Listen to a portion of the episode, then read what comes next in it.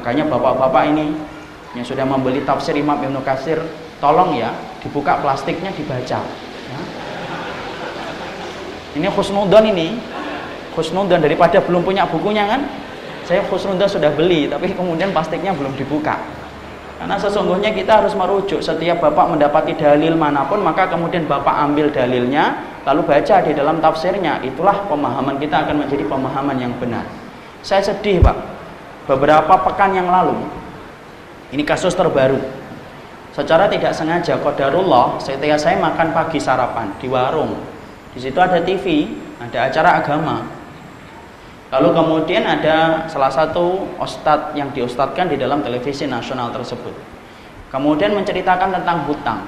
Lalu salah satu jamaah berkata, Pak Ustadz kalau saya punya hutang, doa apa yang saya harus baca?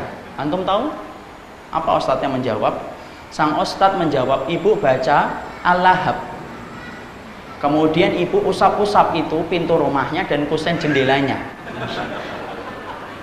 Saya tidak buru-buru menyalahkan, karena kan kita tidak boleh buru-buru menyalahkan, ya atau tidak? Saya pulang ke rumah, saya buka maktabah Syamilah, saya buka tafsir Imam Ibnu Katsir, saya buka Imam Qurtubi, saya buka Imam At-Tabari, bahkan miliknya saya singkiti saya buka. Ada nggak surat Al-Lahab yang dipakai untuk kemudian membayar hutang? Tidak ada. Surat Al-Lahab itu bercerita tentang istrinya Abu Lahab. Siapa istrinya Abu Lahab? Siapa? Siapa Ustaz? Ya betul. Jangan dijawab Ummu Lahab ya. Ummu Jamil. Alhamdulillah ada yang jawab menyelamatkan wajah segini banyaknya Pak. Jadi kemudian bercerita tentang Ummu Jamil. Tidak ada itu sangkut pautnya untuk kemudian membayar hutang ikhwan. Coba antum bayangkan kalau setiap orang yang melihat TV nasional tersebut, dia pulang, dia merasa punya piutang, setiap rumah orang yang piutang kepadanya diusap jendelanya dan diusap kusen pintunya, tidak dianggap security, tidak ditangkap security sudah alhamdulillah itu.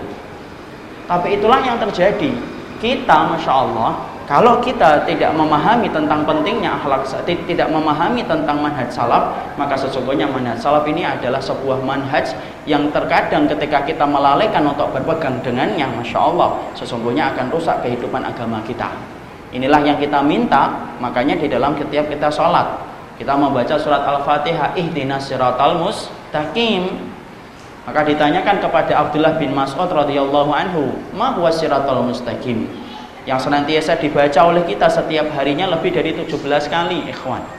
Maka Abdullah bin Mas'ud lalu kemudian mengatakan as-siratal mustaqim alladhi tarokana alaihi Rasulullah.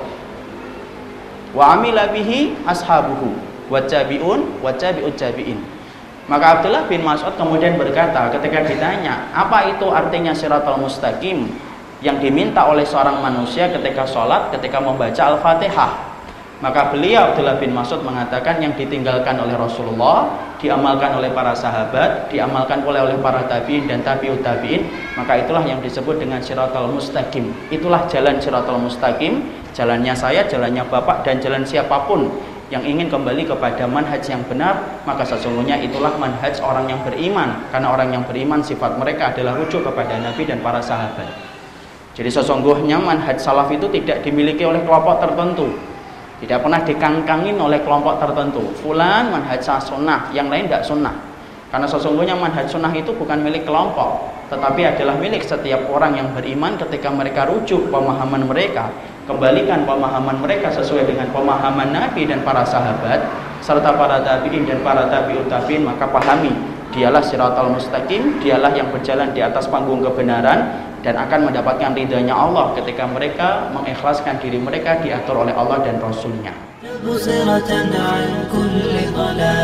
أعددنا بضع رسالات تحمل نورا للأجيال عمره اللي راحت أحلامه Fatimi'nin